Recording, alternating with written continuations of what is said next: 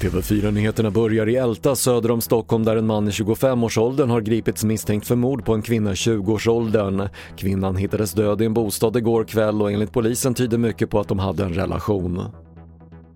En majoritet av förslagen om hårdare regler för ersättning till riksdagsledamöter får stöd hos partierna, rapporterar SR.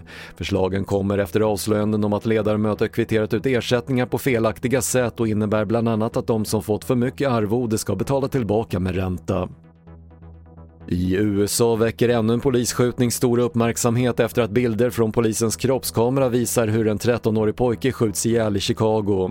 Händelsen inträffade för drygt två veckor sedan och polisen hävdade då att 13-åringen var beväpnad men videon som släpptes igår tyder inte på det. Och Danmark öppnar nästa onsdag upp samhället och det är mer än väntat. Bland annat kommer 10 personer få träffas inomhus mot tidigare meddelade 5 och utomhus får man vara 50 personer och restauranger och kaféer ska med vissa restriktioner få ha bordservering inomhus. Det var det senaste från TV4 Nyheterna. Jag heter Patrik Lindström.